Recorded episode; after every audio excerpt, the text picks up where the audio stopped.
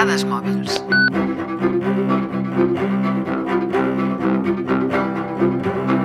Què ens motiva?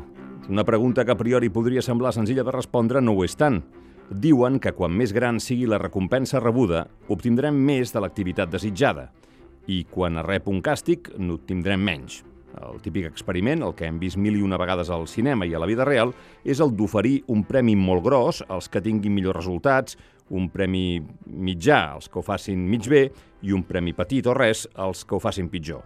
És l'esquema motivacional típic de les grans empreses. Però alguns experiments han comprovat que això no sempre funciona com esperem. Segons explica l'autor nord-americà Dan Pink, expert en negocis i treball, quan els resultats que s'esperen són fruit d'una activitat mecànica o física, s'obté el que es vol. Eh, Quan més gran sigui el premi eh, que s'ofereixi, millor serà el rendiment. Això per activitats mecàniques o físiques. No obstant, quan l'activitat requereix d'habilitats cognitives o creatives, eh, quan més alt és el premi que s'ha promès, pitjor és el rendiment.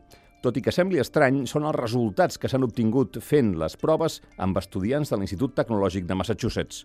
Tenim a pensar que els diners ho poden comprar tot i punt. I podríem concloure que segurament aquest estudi l'ha fet alguna part interessada o que no es van oferir diners eh, suficients als estudiants. Doncs bé, l'estudi el va finançar el Banc de la Reserva Federal dels Estats Units i, a més a més, es va fer també amb estudiants de la Índia rural, on el premi gran eren dos mesos de salari i el petit dues setmanes. Els qui ho van fer pitjor van ser els que més diners se'ls va oferir. I és que potser no som tan manipulables i predictibles com creiem.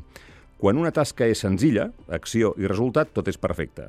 Quan hem de seguir unes normes o un algoritme, també tenim una pauta inequívoca i tot va estupendament. Però quan es requereix pensament conceptual i creatiu, els diners no són suficient motivació. No ens confonem, els diners motiven a la feina, però potser no de la manera que estem pensant. Si no paguem suficient als treballadors, no estaran motivats. La paradoxa amb la que conclou Dumping és la següent.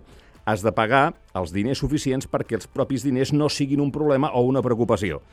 Si no es pensen els diners, es pensa en la feina. I la ment està més lliure.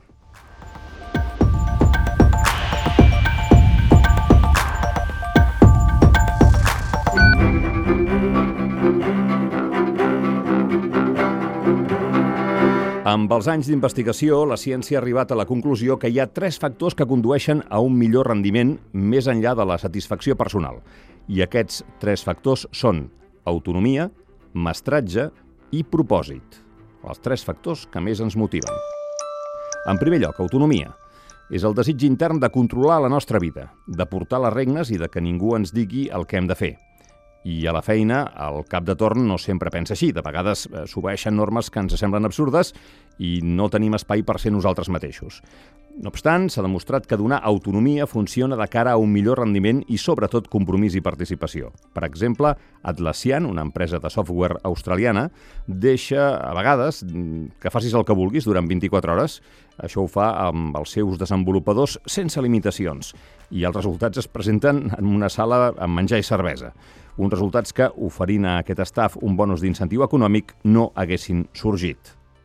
En segon lloc, el mestratge, el domini d'alguna habilitat, per exemple, un instrument musical. Volem ser els millors. Eh, no és un premi ni per diners, és un desig que ens surt de dins. Volem millorar i també fer un món millor. I ho fem gratis, al nostre temps lliure. Penseu en la base de la Wikipedia. Com és que la gent col·labora de forma desinteressada? Gent ben qualificada, amb feines ben pagades? I doncs? Dèiem eh, autonomia, mestratge i propòsit, tres factors que més ens motiven. Hem parlat d'autonomia i mestratge. Propòsit. No tots en tenim un, però són importants de cara a la motivació. Les grans empreses ho saben i també saben que necessiten un gran propòsit comú, un que sigui tan transcendent que uneixi a tota la plantilla i els faci treballar junts. Quan una empresa, en lloc de propòsit, només busca profit, malament. Es crearan productes lletjos, poc rendibles i serveis de relativa baixa qualitat. Els números i beneficis per se no motiven. Però altres coses sí. Per exemple, Skype afirma que el seu propòsit és ser disruptius per fer un món millor, o el cas d'Apple, on Steve Jobs va dir «vull posar un ding a l'univers».